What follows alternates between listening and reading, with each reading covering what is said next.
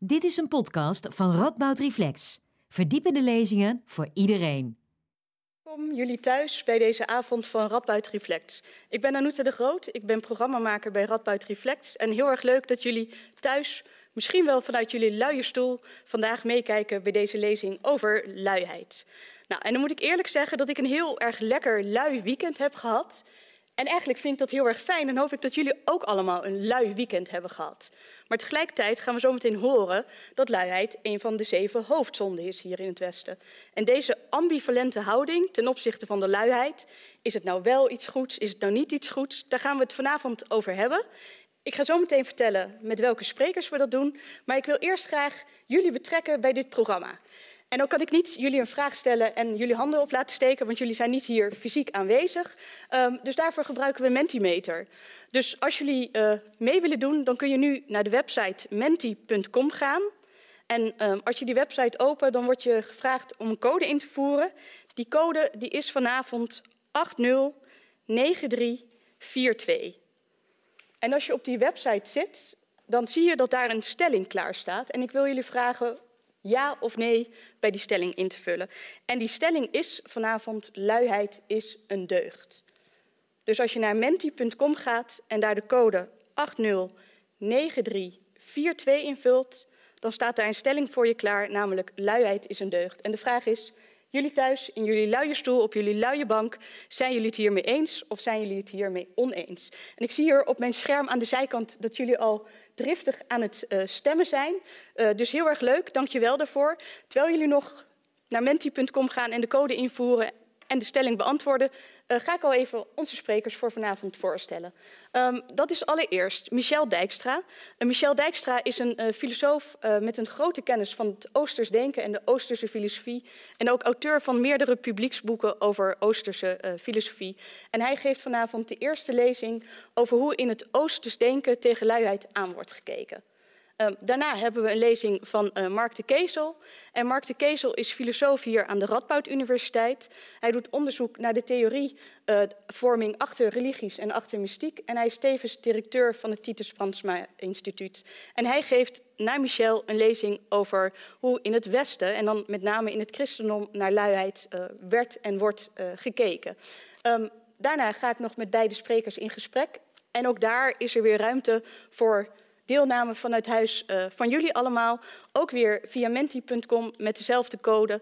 Je kunt heel de tijd tijdens de avond vragen stellen via Menti. Als je kijkt onder je uh, vlakje waar de stelling in staat, staat uh, vraag een, stel een vraag. Als je daar een vraag invult, dan komt hij hier binnen op mijn tablet. En zal ik een paar vragen allemaal kan waarschijnlijk niet, tijdens het gesprek meenemen en aan Michel en Mark voorleggen. Um, ik ga heel veel kan niet helemaal goed de percentages uh, lezen. Um, maar als ik het goed zie. Jij moet even met mij meekijken, Mark. Dan zitten 65% van jullie vindt op dit moment luiheid een deugd. En 35% vindt dat niet. En ik denk, Mark, dat dat voor jou zo meteen met name in jouw uh, lezing, waarin je toch ook luiheid als een zonde neer gaat zetten, interessant is om uh, mee te nemen. Um, aan het eind van de avond ga ik jullie, helemaal op het eind, ga ik jullie dezezelfde vraag stellen. En het is natuurlijk interessant om te zien of jullie mening dan veranderd is. Dus dat zullen we aan het eind van de avond zien. Um, ik denk dat we kunnen beginnen. Dus ik geef heel erg graag het woord aan Michel Dijkstra. En ik wens jullie een hele fijne avond. Ja, dankjewel uh, Anouta voor de uitnodiging om hier te mogen spreken.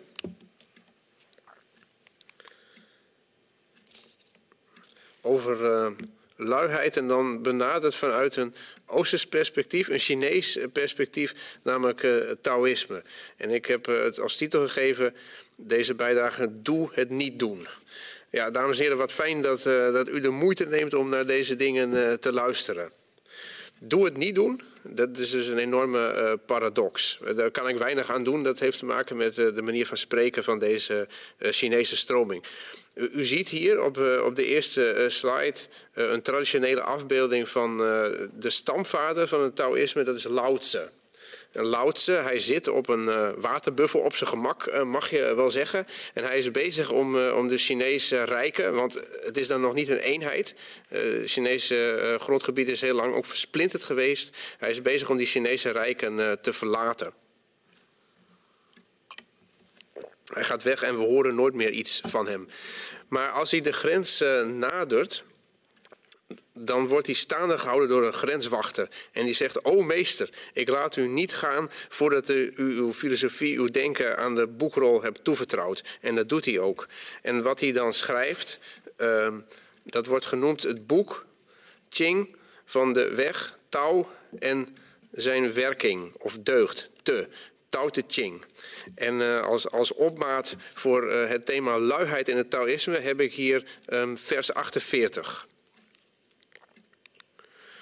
Als men zich op leren toelegt, is er dagelijks vermeerdering. Als men zich op touw toelegt, is er dagelijks vermindering. Vermindering en nog eens vermindering tot niet doen wordt bereikt. Als niet doen wordt gedaan, blijft niets ongedaan. Als men de wereld wenst te besturen, dient men niet bedrijvig te zijn. Zodra men bedrijvig wordt, is men niet meer in staat om de wereld te besturen. Mysterieuze woorden en ook als zodanig uh, bedoeld. Het is vooral de vraag, denk ik, wat dat niet doen hier nou betekent. Hè? Dus zodra je bedrijvig wordt, kun je niet meer uh, besturen. Wat is dat niet doen? Kunnen we dat uh, identificeren met niets doen? Is dat, is dat luiheid? Hoe zit het allemaal in elkaar? Ik hoop dat duidelijk uh, te maken. Onder andere uh, met behulp van verhalen uit de Taoïstische kanon zelf. Je kunt uh, dat Taoïsme niet begrijpen zonder uh, naar zijn tegenvoeter te kijken. En die tegenvoeter, dat is de oudste uh, Chinese uh, filosofie, namelijk het Confucianisme. En nou, je, moet het je eigenlijk zo voorstellen dat het, dat het Confucianisme tegenwoordig wat heet verdrongen is door, door het Maoïsme. Maar een heleboel van deze noties die werken nog steeds hoor. Want ik las bijvoorbeeld laatst in de krant dat de Chinezen zich een breuk lachten om, om Willem-Alexander en ook Grapperhaus en, en zeiden, het was een Chinese minister, ja, die doen niet echt de moeite, hè, jullie bewindslieden, om vaders voor het volk te zijn. En dat is geen Maoïstisch, maar dat is een Confucianistisch, uh, een Confucianistisch uh, argument. Confucianisten gaan uit van, van regelgeving, conformisme en ook relaties. En de relatie van de vorst met zijn volk is die van een, van een vader ten opzichte van zijn kinderen. Confucianisme en Taoïsme, die, die tegenvoeters, die ontstaan in de zogenaamde periode der strijdende staten. Um, ik zei het daarnet ook al. Uh, het Chinese Rijk is niet altijd een eenheid geweest, maar bestond ook uh, in, gedurende lange periodes van zijn geschiedenis uit een lappendeken van allerlei uh, staten die elkaar in deze periode, die van 403 tot 221 voor Christus loopt, te vuur en te zwaard bestreden. Zo wordt de Chinese filosofie eigenlijk geboren. Vanuit onrust, vanuit een enorme politieke, sociale crisis. En daar moet een antwoord op komen. En de antwoorden die het Confucianisme en het Taoïsme geven, die staan lijnrecht tegen elkaar. Het, uh, het Confucianisme pleit voor een terugkeer van de waarde van een, een geïdealiseerd uh, verleden. Ze noemen dat de Zhou-dynastie. Wat wil zeggen dat je een morele vorsten moet hebben. Deugdzame vorsten. Die een voorbeeld vormen uh, voor het volk. Je moet omschrijven wat de deugd is. En je moet zorgen dat de burgers die deugd volgen. Dus het is een weg van, van conformisme. Het Taoïsme, en eh, misschien is dat ook een van de redenen waarom het uh, tamelijk uh, populair raakt in de westerse wereld. Het Taoïsme is juist tegen regelgeving en conformisme en benadrukt vrijheid en spontaniteit. En in, in dit in dit thema past ook de, de luiheid. Je kunt ze zien bij de stromingen als een soort yin en yang. Het vult elkaar aan, het houdt elkaar scherp, het houdt elkaar ook gaande. En in deze verhouding uh, vormt het Confucianisme altijd de, de façade. Dat is, dat is uh, de, de, de, bovenlaag. De, het is de manier waarop je de staat inricht. En het Taoïsme, dat is altijd de onderstroom geweest. Ja, dus het Taoïsme heeft ook banden met, met kunst. Uh, calligrafie, schilderkunst, de Chinese geneeskunst, dat heeft allemaal te maken met, met Taoïsme. En deze leer heeft ook een uitgesproken literair karakter. We zagen dat net ook al met het vers wat ik uh, citeerde uit dat boek van Lao het boek van de weg en de, en de deugd. Het zijn gedichten die ook nog rijmen, zo hier en daar.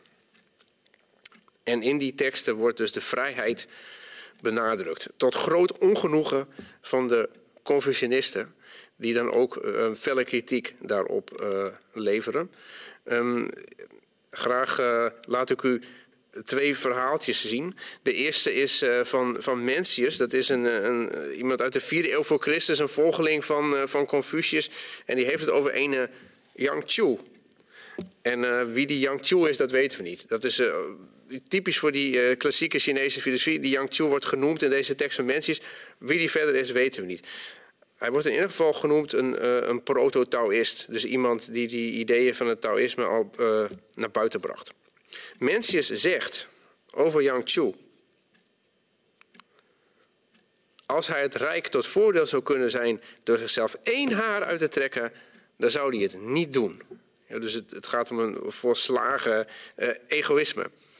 In een grote tekst, andere grote tekst van, uh, van het Taoïsme, het 28e hoofdstuk van de tekst uh, Zwangse, treffen we dit verhaal aan. Jou, en Jou is, is een van de, van de mythische keizers. Jou deed afstand van de troon ten gunste van Xu Xu Yu weigerde. Toen viel zijn keuze op Zhou Chifu.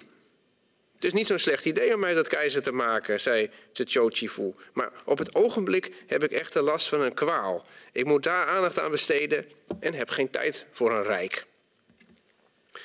En in de ogen van de Confucianist is dit, eh, zou je kunnen zeggen, de complete ondeugd. Hè? Dit is inderdaad uh, de luiheid. Dit is niet je verantwoordelijkheid uh, nemen. Dit is puur op jezelf gericht zijn dat laatste verhaal, wat ik net uh, citeerde uit het 28e hoofdstuk van, uh, van het Zwangse, is, is, emblematisch. Dit kom je een heleboel gedaanten uh, tegen. De keizer gaat naar een hutje. In het hutje bevindt zich een, een sjovele kluizenaar. En die is dan aangewezen om het rijk op zich te nemen. Een enorme eer, dat is de hoogste functie die je kan krijgen. En wat doen deze mensen? Ze weigeren. Ze zeggen tegen de keizer: nee, dat wil ik niet doen. En deze man, deze uh, die zegt: ja, ik heb, ik heb nogal last van een kwaal. Ik moet daar aandacht aan besteden.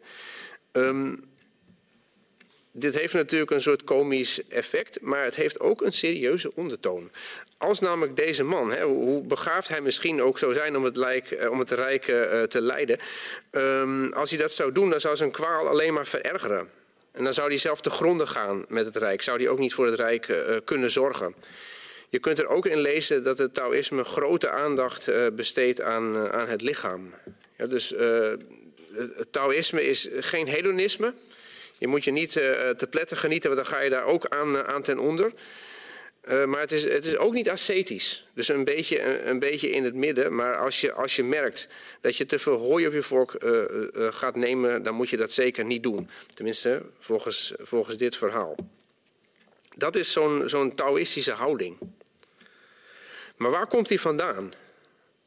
Wel, dat heeft te maken met de grondslagen van de uh, Taoïstische uh, filosofie. Ik ben er tot nu toe een beetje uh, ja, omheen gebogen. maar, maar nu moet de confrontatie aangaan met dat concept Tao. En wat ermee samenhangt, het concept te. Want dat boek van Lao heet het boek van de weg, Tao en de kracht of deugd, te. Um, Tao, het centrale principe van het Taoïsme moet je vooral niet met de persoonlijke God uh, vereenzelvigen. Het wordt uh, in die tekst van, van Zwangse, uh, je zou dat een mystieke tekst kunnen noemen. In die tekst van, van Zwangse wordt het als een mysterie aangeduid. Um, niet een schepper God en zeker niet een schepper God met een idee, met een, met een plan, met een heilsplan of zo. er wordt gesteld dat alles begint bij touw. Dus je kunt het je voorstellen als een soort bron waar alles uit voortvloeit. Dat wordt in de tekst van, van Lautse ook uh, vaderschap genoemd. Daarnaast is het ook een beginsel. En dat wil zeggen dat, het, dat de bron ook in de dingen aanwezig blijft en de dingen constant uh, voedt. En dat wordt uh, vereenzelvigd met moederschap. Dus touw is zowel vader als moeder van alles wat is een onvatbare bron waar wij allemaal uit zijn voortgekomen en die ook nog, uh, nog bij ons is. Um, wat, wat cruciaal is hierbij, denk ik, is dat het hier dus niet gaat om een bepaald uh, plan.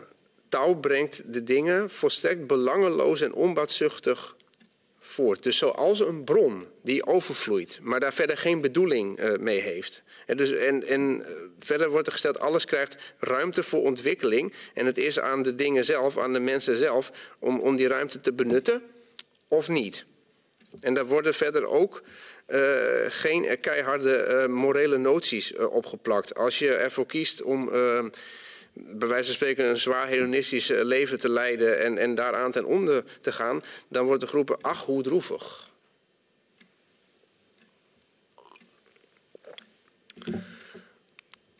De hoogste deugd is geen deugd.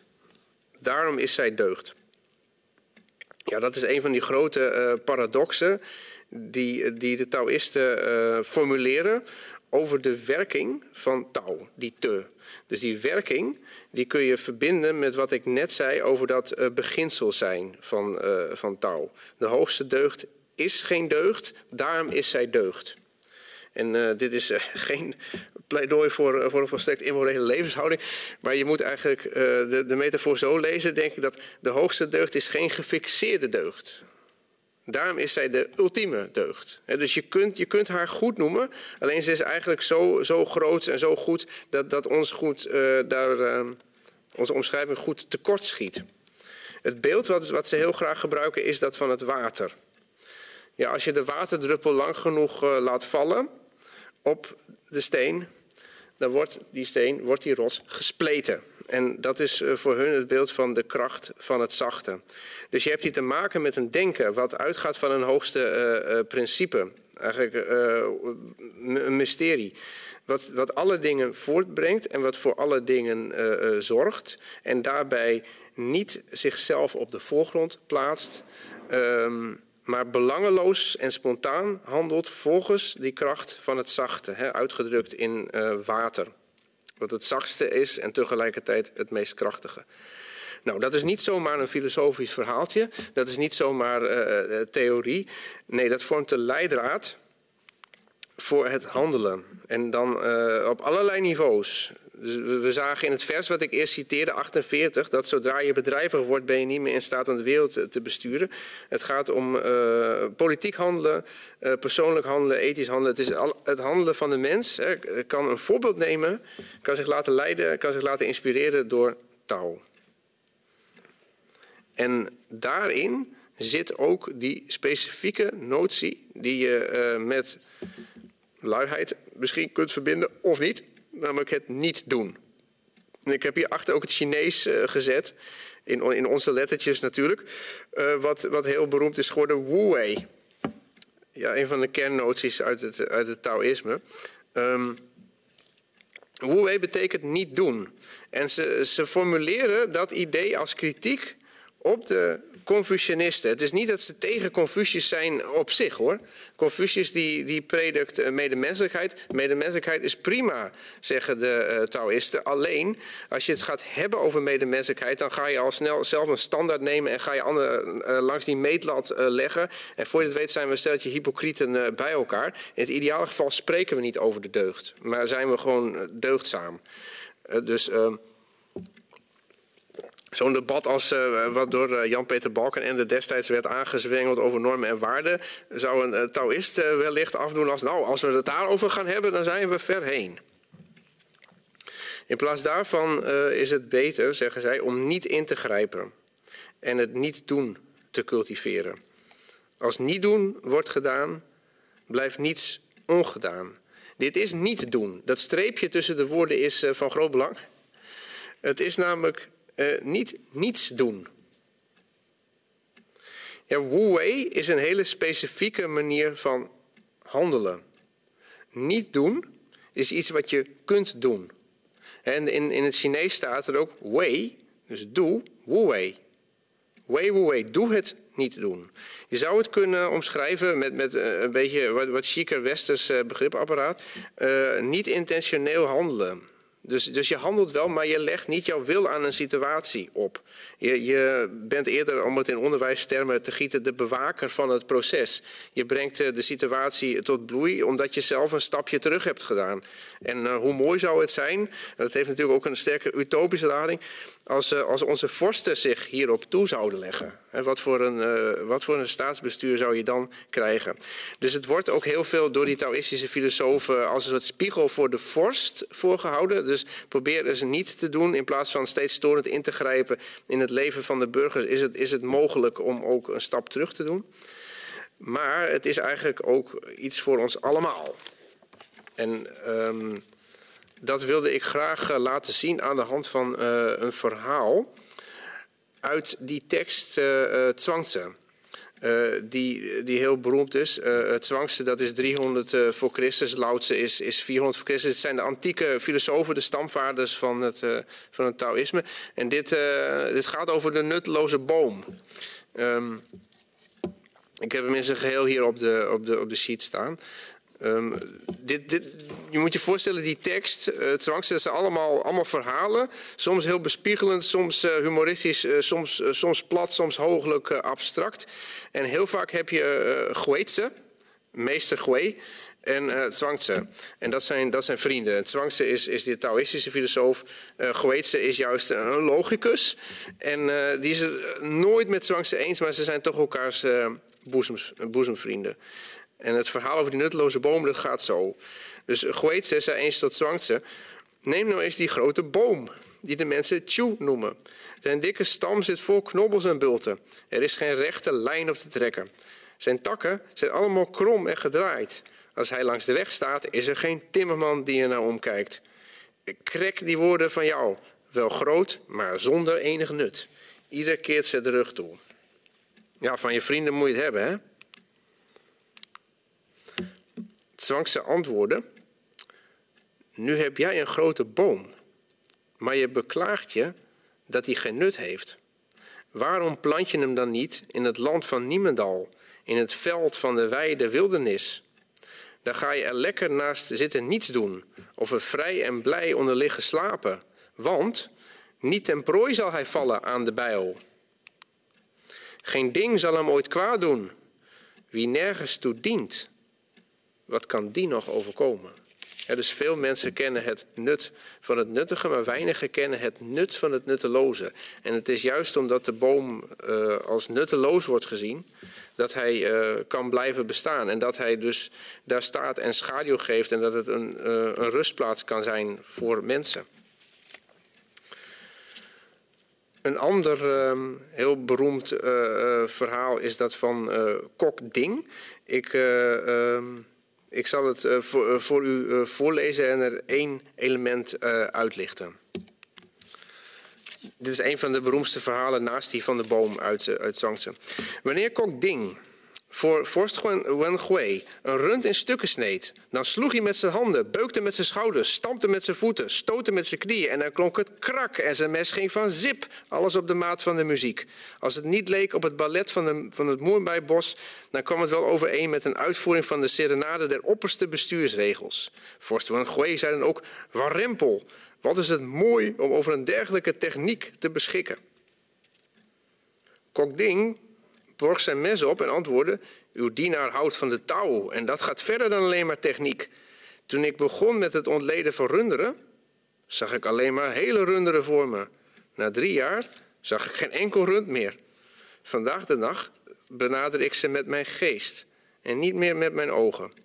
Mijn zintuigen houden op te functioneren terwijl mijn geest in actie komt. De natuurlijke structuur volgend geef ik dan een klap op de grote gewrichten, snij ik in de grote openingen naar de manier waarop het beest in elkaar zit. Zenuwen en spieren, beenderen en gewrichten bieden nooit de minste weerstand. Laat staan grote knoken.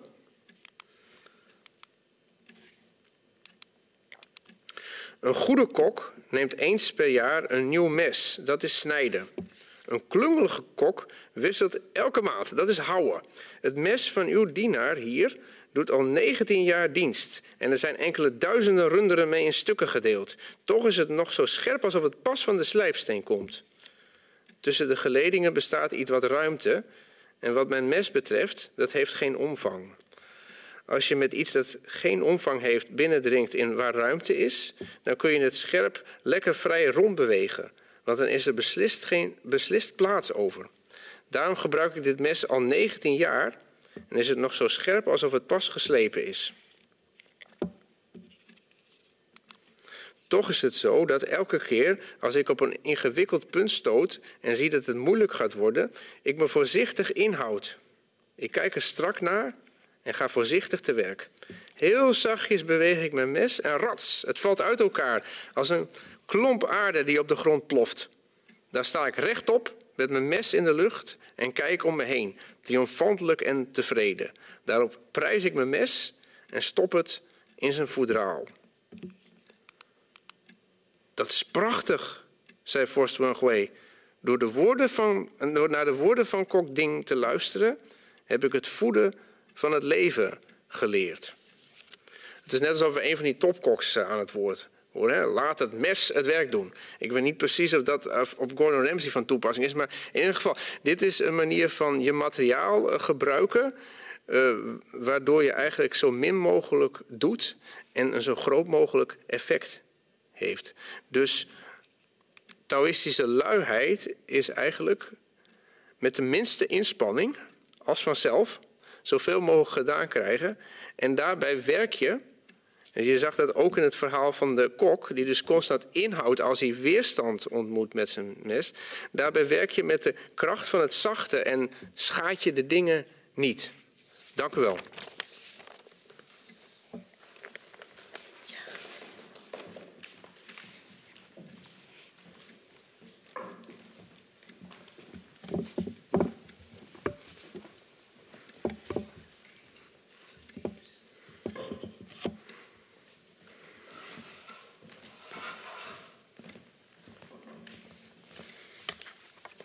Zo, goedenavond.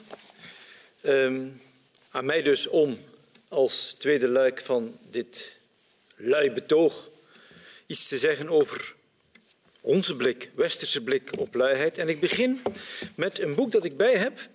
En, um, wacht eens kijken. Ah ja, um, voilà. Dat is mijn, onze blik op luiheid. U zult zien, ik heb het over het christendom.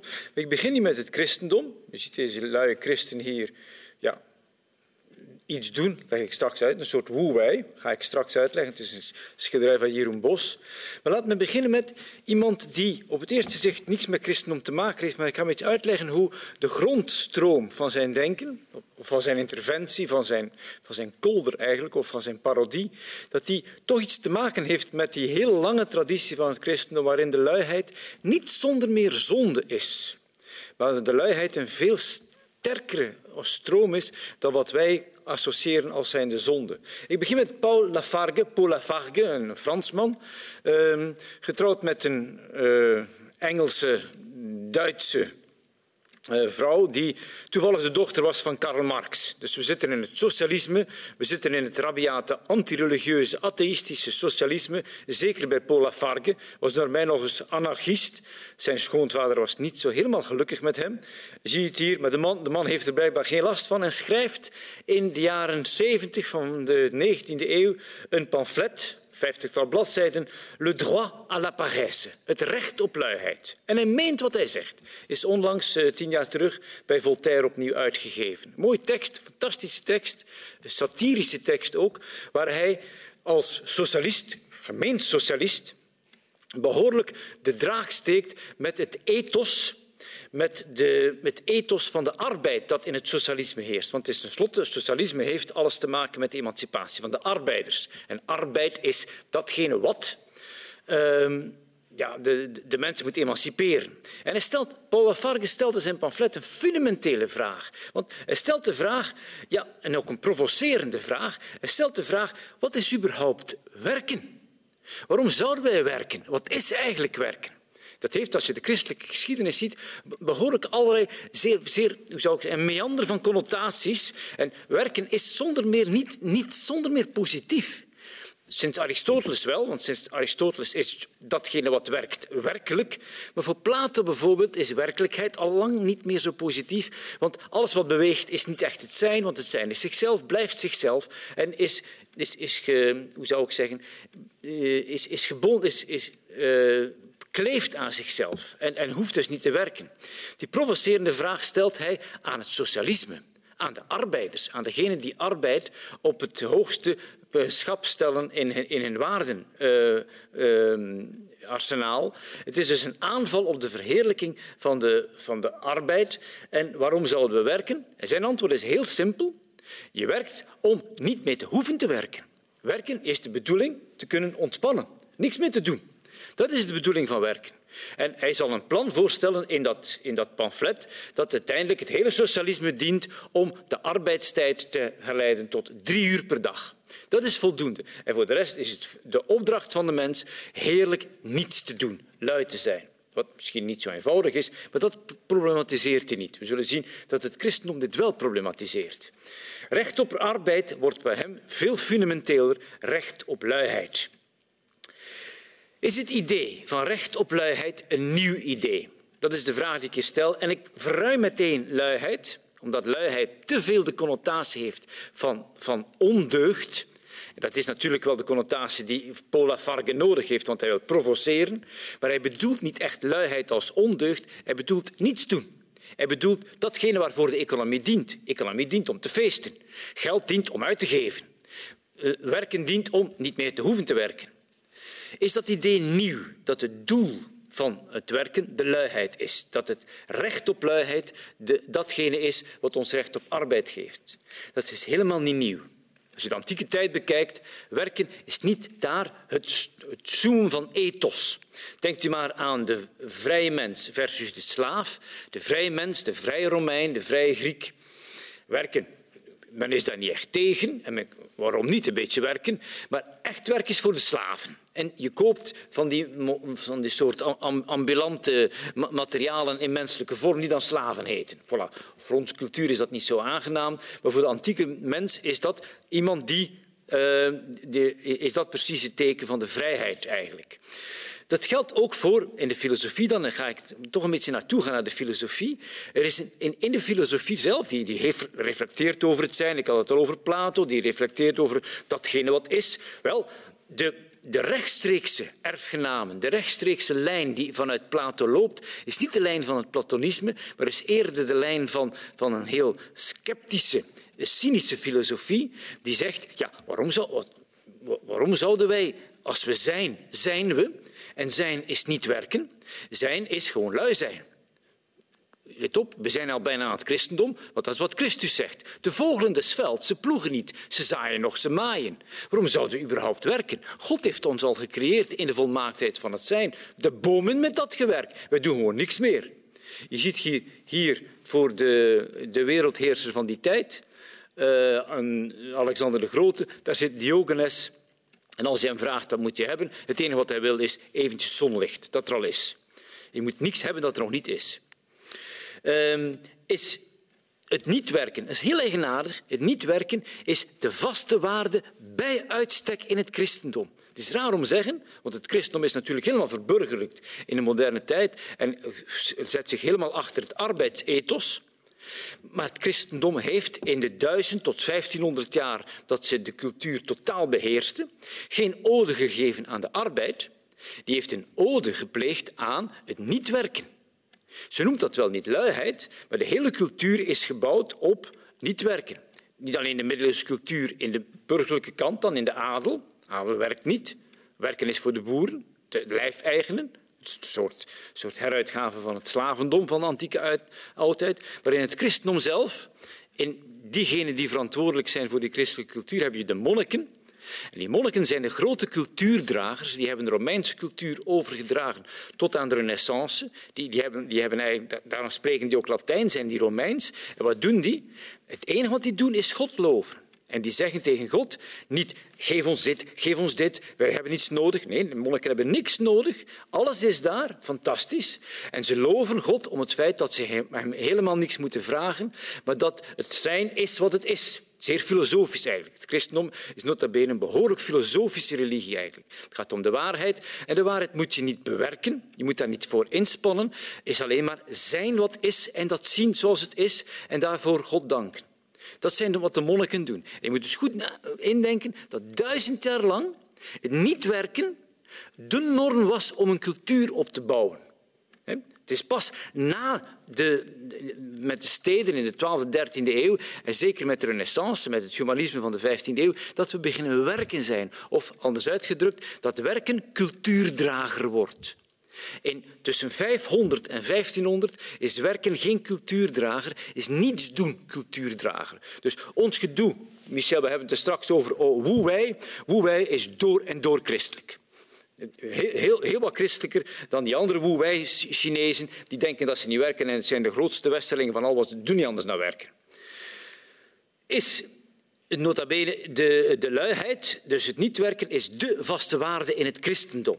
De christelijke, wat is de christelijke achtergrond eigenlijk? En nu kom ik tot mijn punt eigenlijk, dat Lafargue, zonder dat hij het weet en tegen zijn eigen bedoeling, wat, wat hij wil uitdrukken, uh, tegen zijn bedoeling in, vertolkt uh, Lafargue een zeer oude, zeer traditionele grondstructuur in het westerse denken. Met name dat werken niet een doel heeft in zich, maar dat werken een doel heeft in de luiheid, in het niet moeten werken.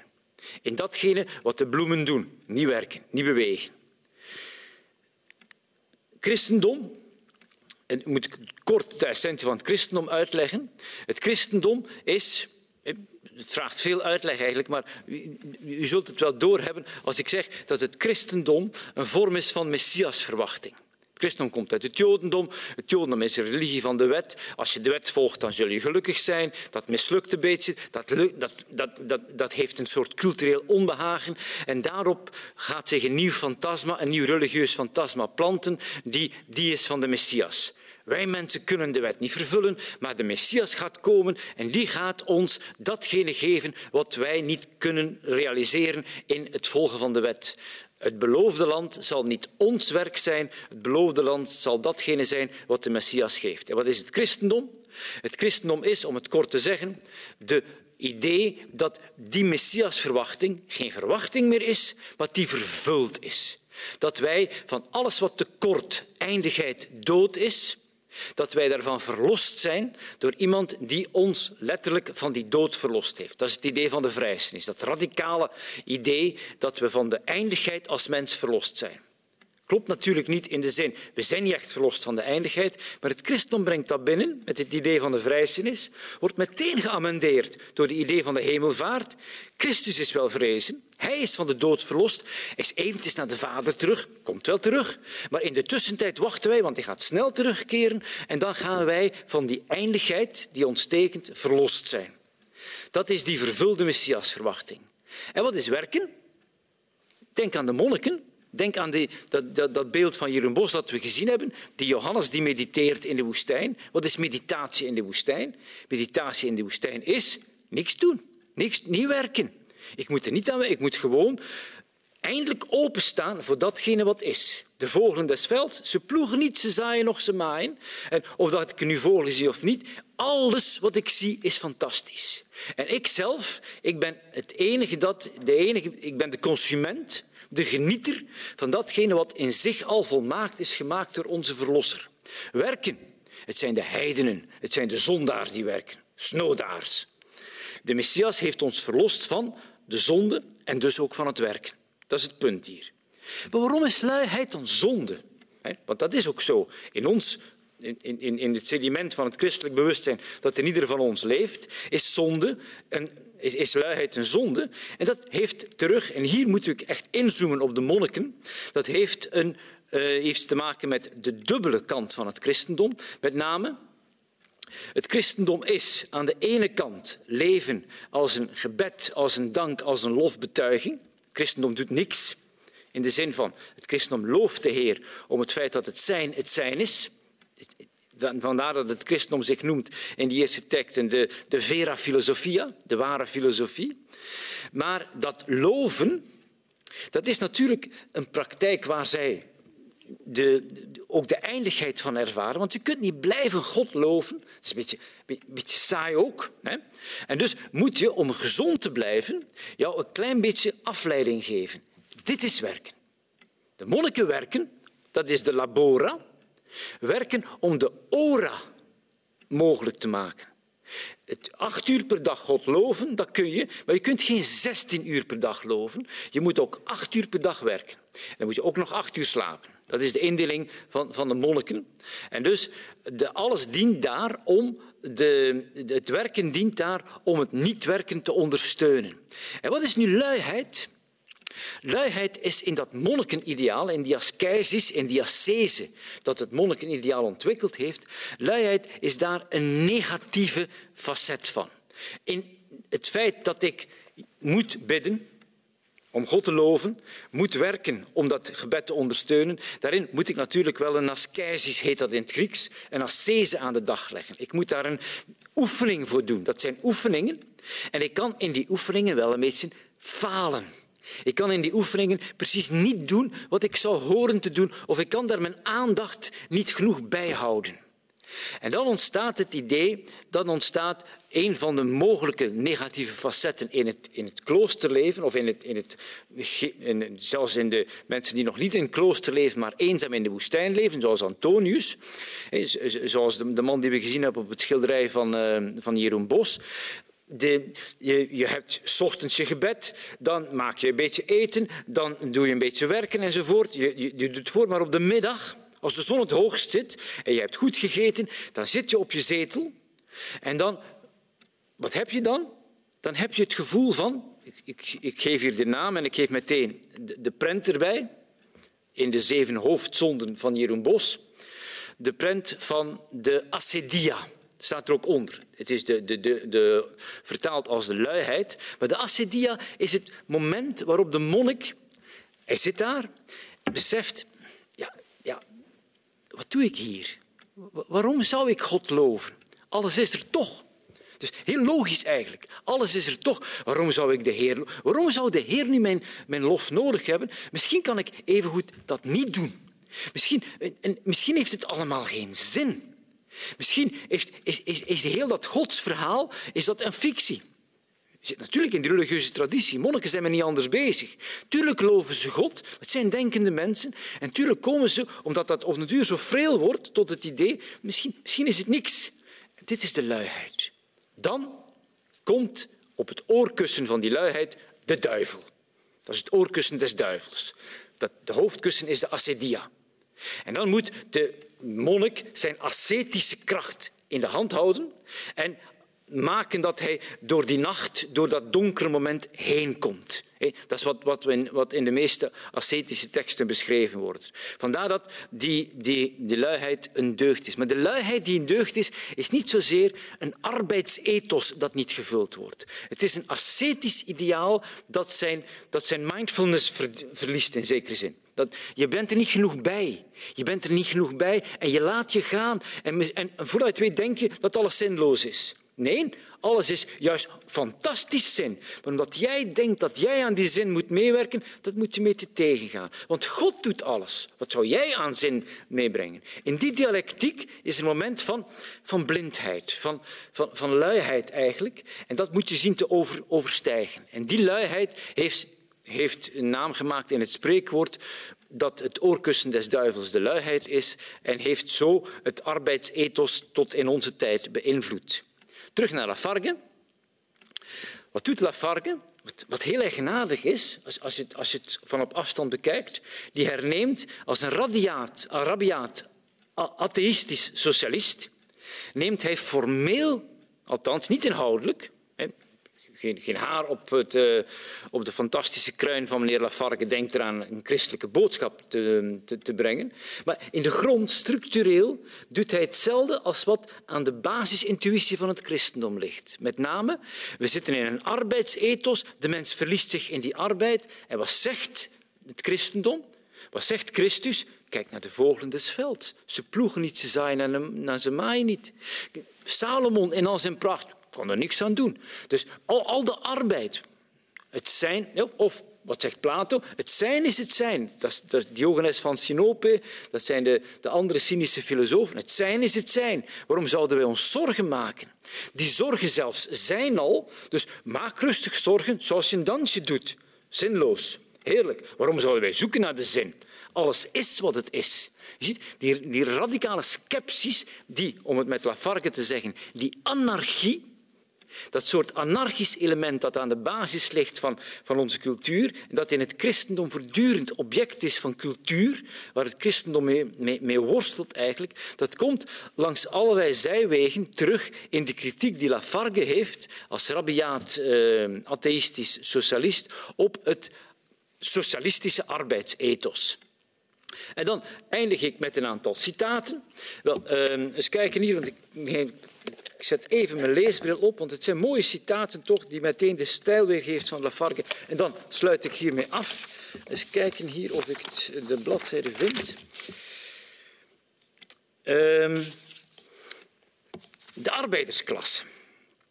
Als zij uit haar hart de ondeugd zou rukken, die haar beheerst en haar natuur verderft en zich zou verheffen in haar verschrikkelijke kracht, niet om de rechten van de mens op te eisen, die slechts de rechten zijn van de kapitalistische exploitatie, niet om het recht op arbeid te verlangen, dat slechts het recht op ellende is, maar om een ijzeren wet te smeden die aan elke mens verbiedt langer dan drie uur per dag te werken dan zou de aarde, deze oude aarde, een nieuw universum in zich voelen opspringen.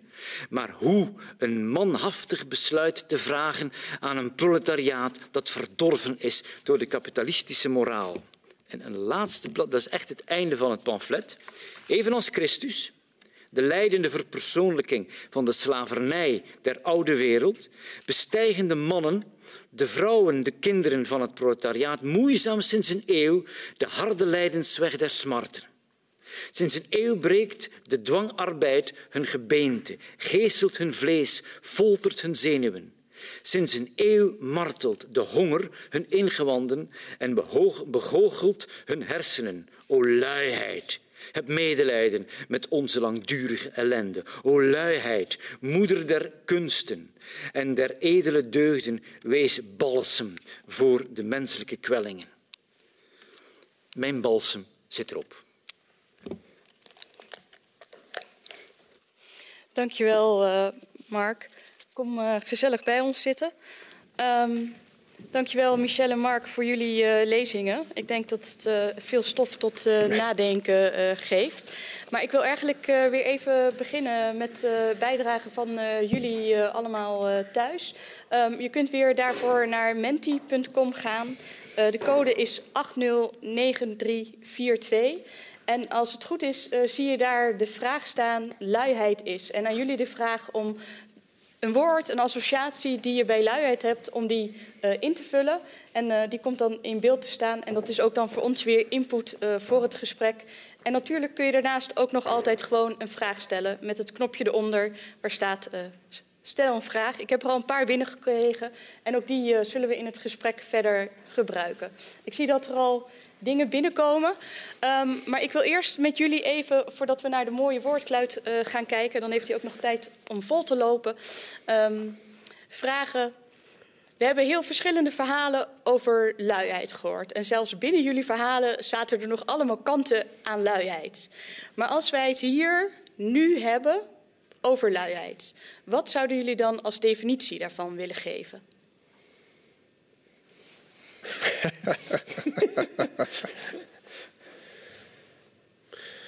ja, vanuit, uh, vanuit het Taoïsme is luiheid opgevat als uh, ontspanning iets wat juist de natuurlijke gang van zaken bevordert.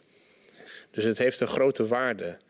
Ja, dus juist dat even, even niks doen, even terugtreden, dat is, dat is heel kostbaar in, eh, in een, een, een werkproces. Zoals het verhaal van de kok met zijn mes ook aangaf. Maar dan zit voor jou, als jij zegt luiheid, dat zit in ontspanning. Ja. En ja. in, in niets doen in die ontspanning. Ja, dus als je, dat, dat concept van Wu Wei, van niet doen waar ik het eh, over heb gehad, dat heeft ook de dimensie van uh, ontspanning. Ja. ja. En, en Mark, zit voor jou luiheid ook in die ontspanning? Ik ben een beetje, een beetje bang om dat te definiëren, omdat zoals ik het aangetoond heb, luiheid is een. Is een, dat, is een dat, concept staat in een discours altijd.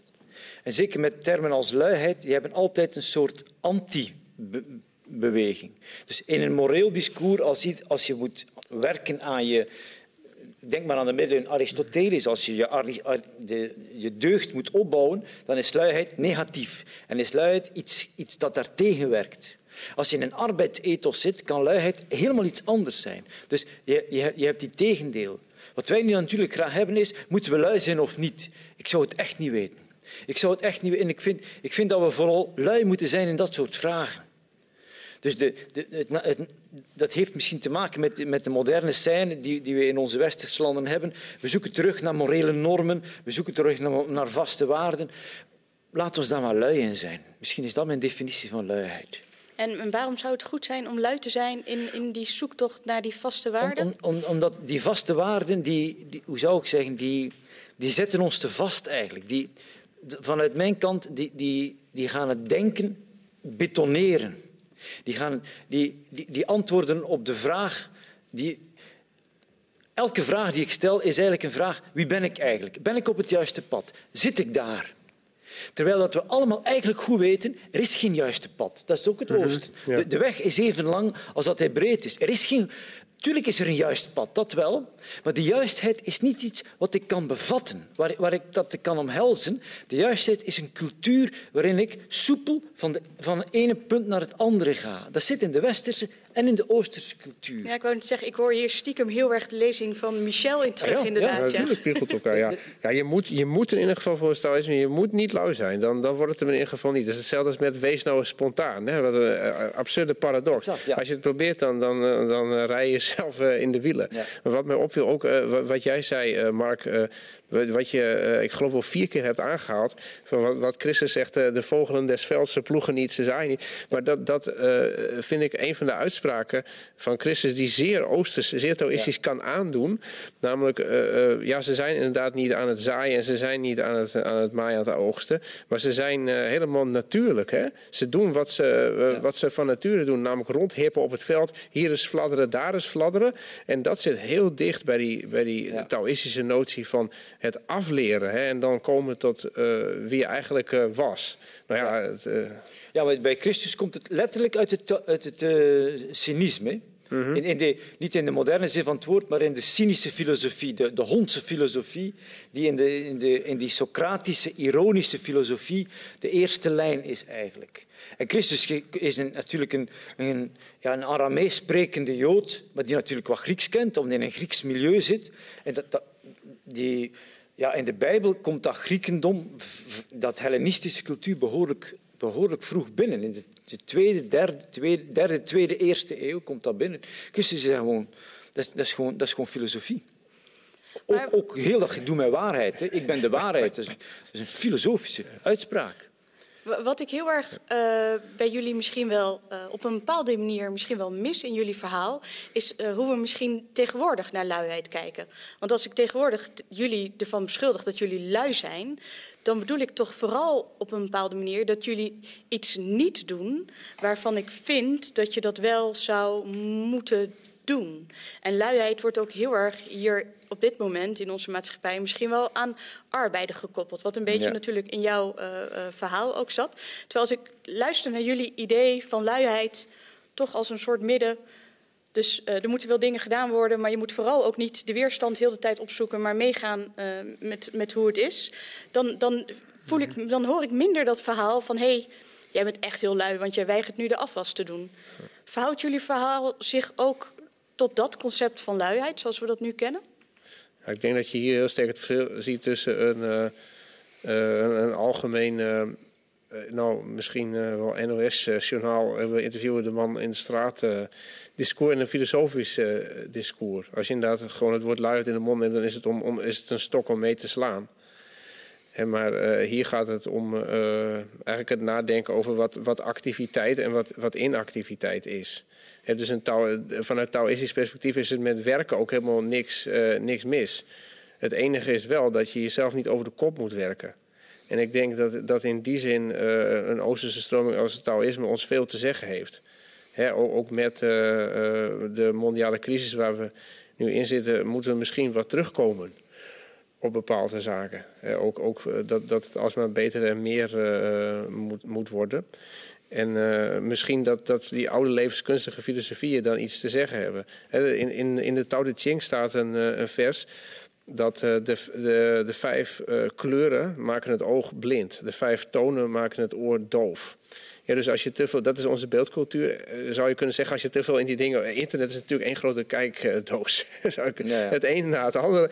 En, en waar, waar, waar Lautse dan in zijn verse, uh, hebben 400 voor Christus, al voor waarschuwd is dat, dat je daar dus aan verslaafd raakt. Dat je, daar te veel, dat je daar aan kapot gaat. En dan staat er in de conclusie van, van dat gedicht. Daar neemt de wijze niet het oog als standaard. Eh, of nee, sorry, niet de buik. Of nee, ja, niet het oog inderdaad als standaard, maar de buik. En dit kun je ook heel goed, het is bijna prediker. Hè? Dus het oog raakt nooit verzadigd van het zien. Maar de buik, als het goed is, als hij vol zit, dan zit hij, dan zit hij ook vol. En, en zo is het ook van, dus, dus het juiste midden uh, betrachten. En, en, en, daarin zit dus ook ontspannen. Dus ook even letterlijk niets doen. Ja, dus, dus eigenlijk zou het filosofisch denken over luiheid zou ons kunnen helpen om misschien in de, de, de maatschappij waar we nu in zitten en waar we de neiging hebben misschien veel te veel te doen of te veel te willen, zou ons kunnen helpen om te matigen. Ja, het, moet, het moet niks, maar het kan misschien dingen openbreken. In ieder geval de discussie. Uh, in ieder geval laten zien dat, dat er meerdere visies mogelijk zijn dan alleen de visie van het moet meer, beter enzovoort. Mark, ben je het daarmee eens? Nee, maar ik weet niet goed waarom. Wel, eh, ik, ik, ik ik, aarzel natuurlijk om uh, de vraag te beantwoorden wat we nu met luiheid moeten doen. In een, in een, als iemand me vraagt, is luiheid goed of slecht? Ik, ik, ik ben tegen luiheid. Luiaards, ik verdraag ze niet. Maar dat is een persoonlijke zaak. Je moet, moet, moet hard werken. Dat vind, vind ik wel. Puur persoonlijk. Maar dat, dat, is ook de, het rare aan het concept luiheid. Zoals ik, zoals ik het met Lafargue naar voren breng, en, en ook in het Oosten eigenlijk. Het gaat over niet werken. En bij Lafargue is het nog duidelijk, wat is de bedoeling van werken? De bedoeling van werken, zegt uh, Lafargue dan, is luiheid. Maar daar komt hij niet uit. Het is hetzelfde als zijn schoonvader Marx. De bedoeling van de arbeid is, als die geëmancipeerd is, dat die arbeid spel wordt. En de hele moeilijke vraag, de vraag waar wij voor staan, is, wat is spel? Of anders uitgedrukt, wat is genieten? De, als, als, werken een bedoeling heeft van niet, niet te blijven werken, maar te genieten van het werk, dan hebben de primitieve culturen daar een veel scherper beeld bij dan ons concept van luiheid of ons concept van spel. In de primitieve culturen is, is het heel duidelijk dat de, de arbeid dient om in een moment van genot datgene wat ik in de arbeid gemaakt heb te vernietigen. Dat is wat religieus gebeurt bij offers in de oude culturen. Dat is wat de, de, de Indianen in, uh, in een Vancouver-eiland deden in de potlatch. Dus die feesten. En wat doen ze bij feesten? In, in een groot feest gaan ze de, een, een jaarproductie van die stam voor 50 procent in, in twee weken tijd verbrassen. Dat is het doel van de economie. Dat is wat eigenlijk Lafarme wil zeggen. Dat, het doel van de economie is te genieten van het leven. Maar dat genot, onze cultuur heeft dat nooit goed kunnen denken omdat we filosoof zijn of monotheïst. Want we willen dat, dat vernietigende van onze economie willen we toch nog een ultieme zin geven. We willen dat bemeesteren. We willen dat kapitaliseren. Dat is dat, dat sluimerend formeel kapitalisme dat in onze cultuur zit. We willen datgene wat voorbij onze arbeid ligt en waar we genieten, in, in wat de vogelen des velds doen, we willen dat toch beheersen. We willen daar een zin aan geven.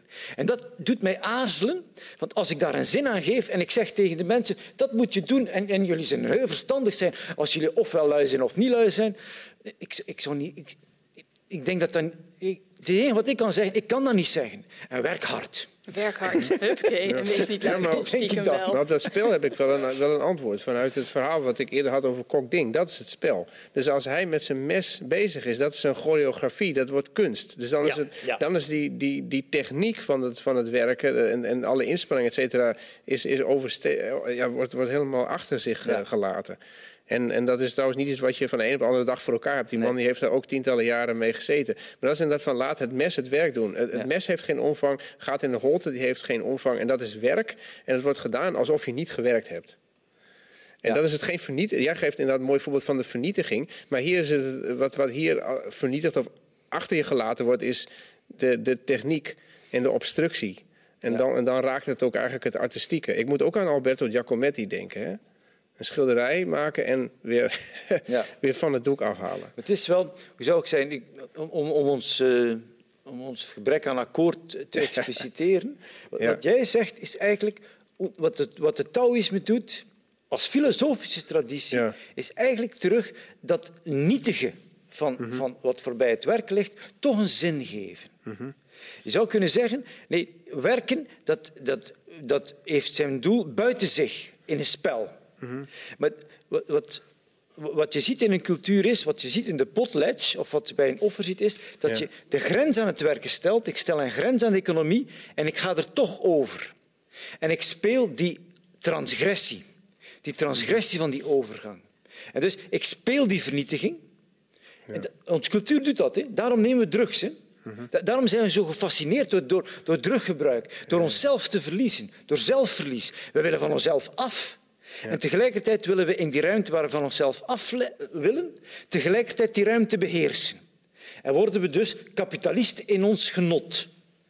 En, en, en drugs brengen daartoe en gaan onszelf letterlijk kapot maken. En dan is er dus eigenlijk geen echte ruimte meer voor de luiheid. Nee, nee. En, en dat heeft te maken met onze vrijheid. Dus eh, de, de, de, wij staan als vrije moderne mens tegenover de wereld in een ruimte die niet tot de wereld echt behoort, die er eigenlijk al transgressief buiten staat. Vandaar dat als we drugs nemen, als we dronken zijn, voelen we die vrijheid, maar willen we die tegelijkertijd bemeesteren en heeft onze cultuur geen tools om die subtiele overgang tussen aan die kant van de grens zijn en aan de andere kant van de grens zijn. En dat is eigenlijk de dans van, van de transgressie, om dat goed te spelen. Ik- dus daar zit Ja, Dat is een heel ander discours. en als ik dan moreel begin te doen, de, de moraal kan daar niet aan. Dat is mijn punt eigenlijk. De moraal kan daar niet aan. Dus tuurlijk moeten we moreel zijn. En tegelijkertijd ben ik in de morele wet degene die vrij buiten die wet staat en toch af en toe die wet overtreedt. Dat kan ook. Dat, natuurlijk moet dat kunnen. Ik wil misschien zo meteen nog even ingaan op inderdaad ook de, de relatie tussen luiheid en kapitalisme. Maar ik vind het leuk om eerst naar de woordcloud te kijken. Ja, ja, ja, en absoluut. te kijken Oh, wat eh, de die mensen ziet er ook eh, uit. Ja, die ziet er ook cloudy uit inderdaad. Ja. Eh, wat de mensen die, die meekijken, wat, die, waar, ja, wat hun associatie is bij luiheid. En wat toch...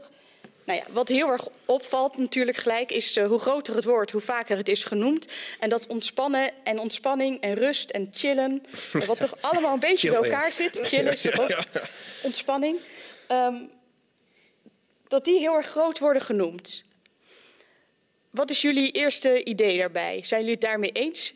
Zit, zit inderdaad luiheid in die ontspanning en in die rust? Jij zei het eerder Ja, al eigenlijk, wel. Michel. Als ik weer terug mag komen op het verhaal eh, van, van Kok Ding. eh, Mhm. de- de- de- dus hij heeft die dialoog met zijn, met zijn vorst. Hè? En eigenlijk worden de rollen daar weer omgedraaid. Want het zijn altijd verhalen over meesters en leerlingen. En, en hier is de kok, de, de meester van zijn werkgever, van die vorst. En die vorst die klapt in zijn handen uiteindelijk en zegt van...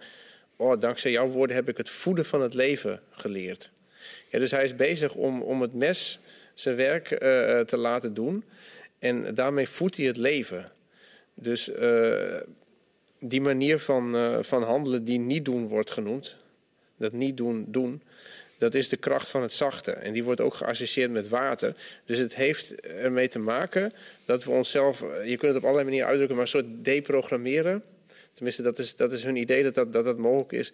Eh, al, die lagen, ook die maatschappelijke lagen, eraf halen. Zodat je bij een soort oorspronkelijke spontaniteit uitkomt.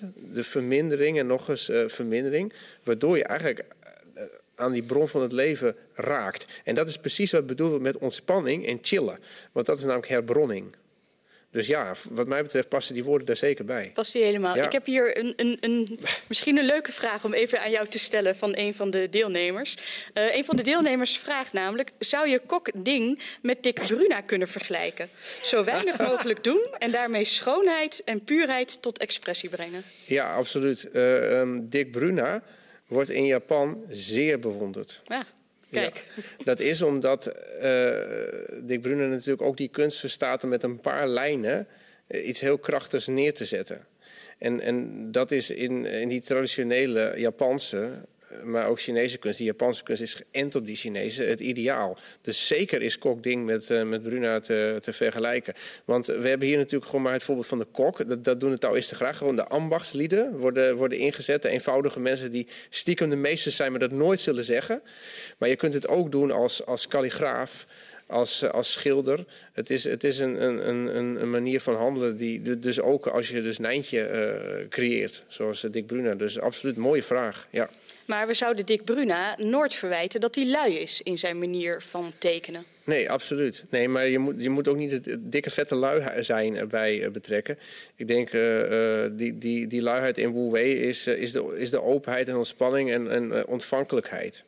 En, maar die ontvankelijkheid heb je misschien nog het beste als je even stil zit.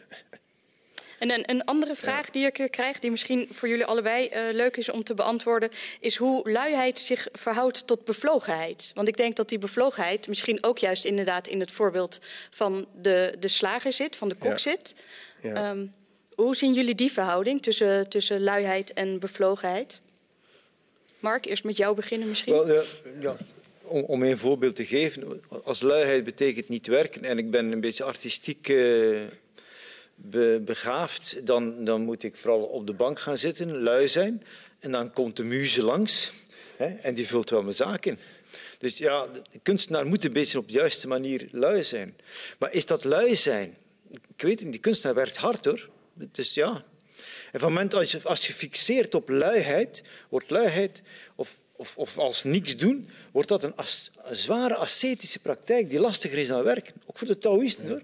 Die, die, die zeggen wel dat het allemaal simpel is, maar zo'n zo Oosterse meditatieve, ascetische houding om, om dat hoe wij ergens eh, body te doen krijgen in het lichaam dat ik en in de geest ik ben, dat is niet simpel, man. Dat is echt niet... Dat is nee, niet... daar ben je tientallen jaar mee bezig. Dat ja, dat is hard, harder werken dan... Uh, dan, dan, een normale arbeider. Dus... Luiheid is heel hard werken.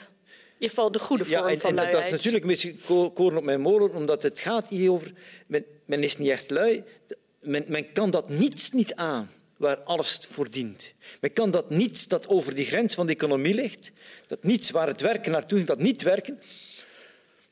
Het hele Taoïsme is een poging dat toe te dekken.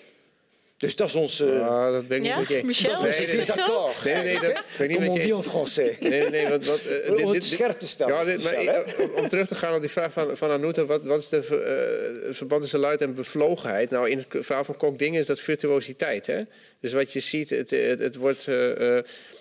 en dat zit trouwens ook, dat heeft te maken met die, ook die vraag van Dick Bruna in, in de Japanse cultuur.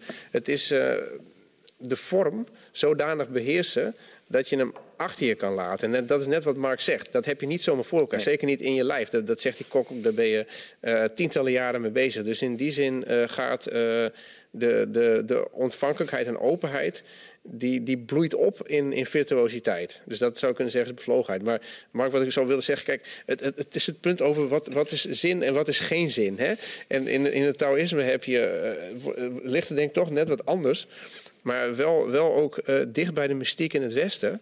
Namelijk de weg ontstaat door hem te begaan. Ja. Dus er is geen zin buiten die weg. En die weg is in de verhalen die ik uh, citeerde. Bijvoorbeeld bij Kok Ding. Die weg is dus het ontleden van een rund. Ja. Niet meer dan dat. En, dat, en, en je, je weet niet hoe je dat moet doen. Je weet het alleen als je het mes erin steekt. Ja. En dan, dan, dan ontstaat het. Ja. Dus, dus in die zin weet ik niet of er angst voor niets is. Het is eerder een belichaming. Van, uh, uh, ja, je, kunt, je, moet, je moet er iets mee natuurlijk. Met, met Ja. dat niet, je moet daar iets mee met dat niet werken. En dus moet, moet je, dat, je moet wel werken met dat niet werken. Dat is de intelligentie van die tradities. Dat ze de buitenkant van de arbeid wel zien. Dat arbeid een doel heeft buiten zich. Maar dat dat, dat niet zonder meer een, een paradijs is. Want dat is wat het christendom wel doet. Hè. We gaan dan in een paradijs waar we helemaal niet meer werken. En dan, ja, daar zijn weinig fantasieën over, want dat is nogal een saaie bedoeling in de hemel. Hè. Ik bedoel, dat is niet... Het ligt er een beetje aan wat je onder werken verstaat natuurlijk. Ja, Of, of het alleen uh, voor, om geld te verdienen is en je levensonderhoud te voorzien. Ja. Of misschien ook gewoon doen ook- wat je leuk ja. vindt. maar klassiek gezien is werken meewerken aan de productiviteit in het zijn. Dat is Ar- Aristoteles. Aristoteles heeft het werken eigenlijk binnengevoerd. Voor Plato is het zijn wat het is, dat is een gestalt. Maar voor Aristoteles zegt nee, nee, de, de dingen bewegen en die beweging heeft essentieel iets te maken met, met, met de kern die in de dingen aan het werk is. En ons werken, onze techne, haakt daarop in. En dat, dat is waar wij, anders dan het Oosten, een, een andere technische cultuur zijn dan het Oosten. Met, met, en, dan, en dat hebben wij dan losgelaten in de moderne tijd. Om die metafysische grond hebben we losgelaten en zijn we helemaal losgeslagen in die techniek. Ja, maar die saaiheid waar je het over hebt van de hemel. Ik heb wel een parallel ook in, in de, in de Tao Te Ching. Dat is een soort van. eh, dat is ook sterk utopisch aangezet. Dus het mooiste is, een, eh, is de menselijke maat. Dus gewoon een klein land met allemaal gehuchtjes eigenlijk. En, en, en zorgen dat, dat, dat, eh, dat is dan opdracht voor de vorst, dat de mensen hun kleding mooi vinden en hun gebruiken leuk en zo. En dat, dat gedicht eindigt dan van, eh, ze horen het hanengekraai en het, en het hondengeblaf van de, van de dorpjes in de nabijheid. Maar nooit van hun levensdagen denken ze eraan om die anderen op te zoeken. Ja, dus dat, dat is natuurlijk, ja, maar dat is de- het punt van de utopie. Hè? Ik weet niet of je hem echt wil hebben, als je Ja. het probeert te realiseren. Maar eh, ja, dat, dat, het, het gaat dan wel in die, in die richting. Ja. Maar is, is, is die christelijke eh, mystiek en, en het, het socialisme, het marxisme, eh, dat heeft, dat heeft natuurlijk ook dat utopische. Dat, dat, dat anarchisme kun je Ja. daadwerkelijk grondvesten. Hè? Of geeft het richting aan, aan ons denken. Ik wil nog even naar één eh, ding wat mij toen net opviel in de wordcloud. Hij staat hier niet meer. Ik weet niet of de mensen thuis hem nog zien. Eh, maar ik zag toen net dat eh, het woord noodzakelijk ook best wel groot in de wordcloud stond. Ehm, dat vind ik toch ook een opvallende. Mensen vinden luiheid dus op een bepaalde manier noodzakelijk. Zijn jullie het daarmee eens? Ja. En waarom, Mark? Wel, waarom? Omdat, ja, zoals ik de zaak versta, is, is je, je hebt naast je werk natuurlijk iets van niet werken nodig. En je hebt daar een soort balans in nodig. Dus uiteraard, want ja, alleen maar werken. Maar ik, ik, als, als je er natuurlijk scherp over nadenkt, moet je altijd wat extreme voorbeelden zien. Ja, als je iemand in de gevangenis steekt, moet hij niet werken. Dan kan hij lui zijn ten eeuwige dagen. Dus de, de, ik denk bij luiheid ook altijd aan iemand die, die inderdaad niet mag werken. En als je niet mag werken, dan ja. Daarom vind ik luid een heel moeilijk concept eigenlijk. Het is een heel moeilijk concept. Maar als je, niet, als je niet mag werken, dus het wel zou willen, maar iets niet mag doen, gaat het dan ook nog steeds om luiheid? Ja, maar ja. No- Normaal gezien niet, maar het heeft er wel mee te maken. Ik, ik, ik wil, iemand is van het werk verlost. En alles hangt af van de definitie van werken. Daarom dat ik ook één specifieke situatie genomen heb. In het arbeidsethos van eind 19e eeuw, waar de arbeider op, op, op, een piedestal staat, is er iemand die in naam van de arbeider zegt, lui moet je zijn. En dat, die spanning, die geeft iets. En Lafargue weet niet goed wat hij met luiheid bedoelt. Hij bedoelt eigenlijk een kritisch... Hij, hij wil snijden in dat, in dat ideologisch frame van de linkse arbeidersethiek. Dat, dat begrijp ik. En dan heb ik aangetoond dat dat eigenlijk alles te maken heeft met waar wij in het Westen een totaal andere, context mee bezig zijn. Namelijk, wij werken, maar als God alles werkt, waarom zouden wij iets nog doen? En, en daar komt eigenlijk onze luiheid vandaan. Dus de luiheid die wij hebben is, wij zijn lu- lui is zondig omdat lui niet lui genoeg is. Zo paradoxaal is het, maar dat is, Ja. dat, dat is, dat is een filosofische redenering. Je, je, je hebt er geen... Daarom ben ik altijd dwars van definities. Weg met Beste de mensen die nu kijken, gebruik nooit een definitie. De- de- de- Dat, denk, dat gaat het denken doodslaan. Dat kan niet. Je moet, je moet een, een discours hebben dat, dat, dat, dat zich, waar termen tegenover elkaar staan en uit de, uit de differentie tussen termen komt iets daarvoor waaruit, eh, waaruit we iets kunnen leren. Maar de termen Ja. zelf... Ik zou zeggen, maak een definitie, maar wees ook bereid om hem weg te wissen. Om steeds weer weg te ja, wissen. ja, En, ja, eh, ja, maar, maar eh, luiheid en noodzakelijkheid, ja, ik snap heel goed eh, dat dat, dat woord erbij komt. Persoonlijk snap ik dat ook heel goed. Maar als ik, als ik een beetje vanuit de Taoïstische traditie zou mogen reageren, dan zou ik zeggen, oh hoe droevig. Oh hoe droevig dat wij nu in een toestand zitten waarin wij moeten zeggen, luiheid is noodzakelijk. Want het zou normaal moeten zijn. Nou, je, je, je zou, eh, als, je, als je kijkt naar dat gedicht van, eh van Lao Tse over de vijf kleuren die het oog blind maken, et cetera. Dit duidt op een toestand waarin dat eh, verregaand aan de hand is. Ja, als je het over goed en kwaad gaat hebben, dan zijn we al ver weggedreven van het oorspronkelijke goed. Ja, dus dat wordt dan ook geïllustreerd met ook, ook zware utopisch met de ware mens van weleer. En dan gaat over ademen. De, de, over mindfulness uh, gesproken. Ja, ja over, over, ademen. Dus uh, de ware mens van wel eer, uh, zijn adem was dieper dan diep. Die ademde vanuit de hielen. En de mens van nu, die ademt vanuit de, de keel. Dus dat, het gaat helemaal niet goed met ons, dat hoor ik vooral. maar het is wel mooi, want eigenlijk uh, hoor ik vooral ook dat jullie het heel erg uh, eens waren met de peiling die we in het begin van de avond hebben gehouden. Waarbij ja. uiteindelijk, ik zei het net iets anders dan het uiteindelijk is geworden. Volgens mij 62 procent uh, was het ermee eens dat luiheid een deugd is. En 38 procent was het ermee oneens. En ehm, ik wil eigenlijk de avond afsluiten, want we moeten alweer gaan eindigen met diezelfde stelling. Dus ik wil jullie thuis ook vragen om nog een keer uh, antwoord te geven op de vraag: uh, luiheid is een deugd, met ja of nee. En dan kunnen we misschien kijken of er iets veranderd is in hoe jullie over luiheid als deugd zijn gaan denken tijdens deze avond. Nou, ik zie voorlopig misschien dat mensen nog moeten invullen. Ah, kijk, hij springt er helemaal. Ik moet nog niks zeggen. Zie het zijn Amerikaanse verkiezingen. ja, daar lijkt het inderdaad op. Ja. Ja. Ik ga even nog niks zeggen. Ik ga hem even laten lopen. Ja, en ik ga eerst even aan... Uh... Nou ja, dat, dat... zegt helemaal niks. Nee. Ik ga eerst even aan jullie uh, vragen. Als, uh, als, als laatste woorden van jullie voor deze avond. Is luiheid een deugd, ja of nee, Mark? Zeker. En wil je daar nog iets aan toevoegen of zeg je dat spreekt nu voor zich? Wel, dat spreekt niet voor zich, want het is tegelijkertijd ook een heerlijke ondeugd. En tussen die twee komt het op aan op de juiste manier lui te zijn. De juiste manier van luiheid. Michel, is luiheid een deugd, ja of nee? Wel een deugd, maar geen gefixeerde. Kijk, ik, ik zie alweer een ja. link inderdaad met je verhaal. Wil je ja. me verder uitleggen?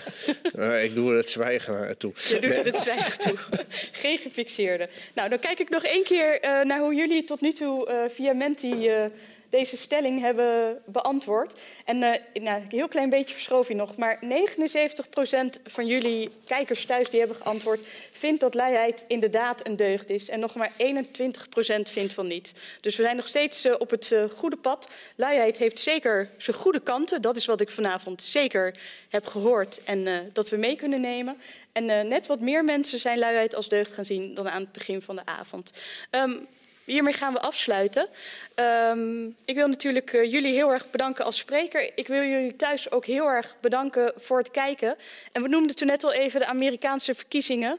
Iedereen is er natuurlijk mee bezig en het houdt volgens mij heel de wereld zo'n beetje uh, bezig.